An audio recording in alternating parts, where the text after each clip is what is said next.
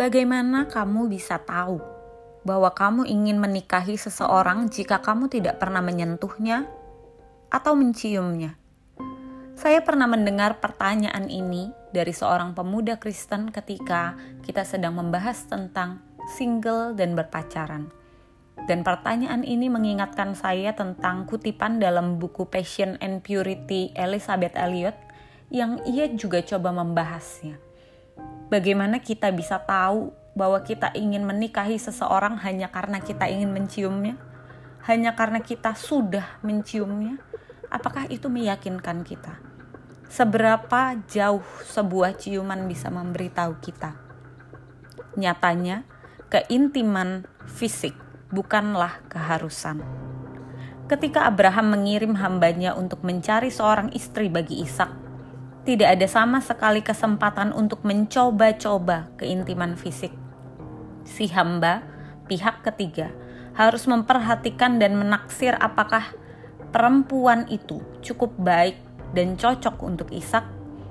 Ia datang ke tempat yang paling masuk akal, yaitu sumber air di luar kota di mana para wanita datang ke sana. Ia telah meminta Allah secara spesifik di dalam doanya untuk memberinya sebuah tanda. Gadis yang kepadanya ia meminta minum juga memberi minum unta-untanya. Dan hamba itu terus berdoa dan mengamat-amati dengan berdiam diri untuk melihat apakah Tuhan membuat perjalanannya berhasil atau tidak. Tidak ada yang bisa kita lakukan selain menunggu Tuhan menyatakan ketika kita digerakkan oleh Roh Kudus untuk mulai menyukai seseorang, kita akan mulai dari saling mengenal melalui percakapan, melalui bagaimana dia membangun hidupnya. Kita akan melihat seperti apa dia. Ciuman dan pegangan tangan tidak akan menambahi apa pun pada keyakinan ini. Siapa pun bisa berciuman dan berpegangan tangan. Bahkan sebaliknya, ciuman dan berpegangan tangan mungkin akan mengurangi sesuatu yang sangat penting. Saya ingin menikahi seorang laki-laki yang siap berenang melawan arus. Sebagai seorang Kristen, kita harus sampai pada pemikiran ini.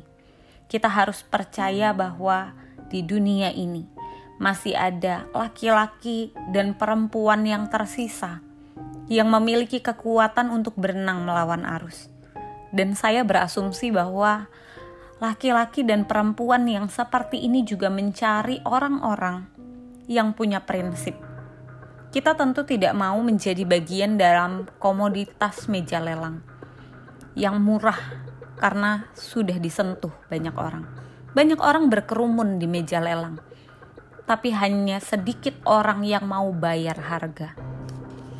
Oleh sebab itu, sebagai orang Kristen, mari kita memiliki rasa hormat terhadap diri sendiri, terhadap orang lain. Ketika mulai membangun hubungan, bangun hubungan dengan kesetiaan, penolakan untuk saling merendahkan, dan pengorbanan, berani untuk menyangkal diri, membayar harga. Kalau tujuan kita membangun hubungan adalah kemurnian hati, maka bersiaplah untuk dianggap benar-benar aneh. Tapi tidak ada sesuatu pun yang sia-sia. Mereka yang mencari apa yang Tuhan cari akan menemukan dan bersuka cita pada akhirnya.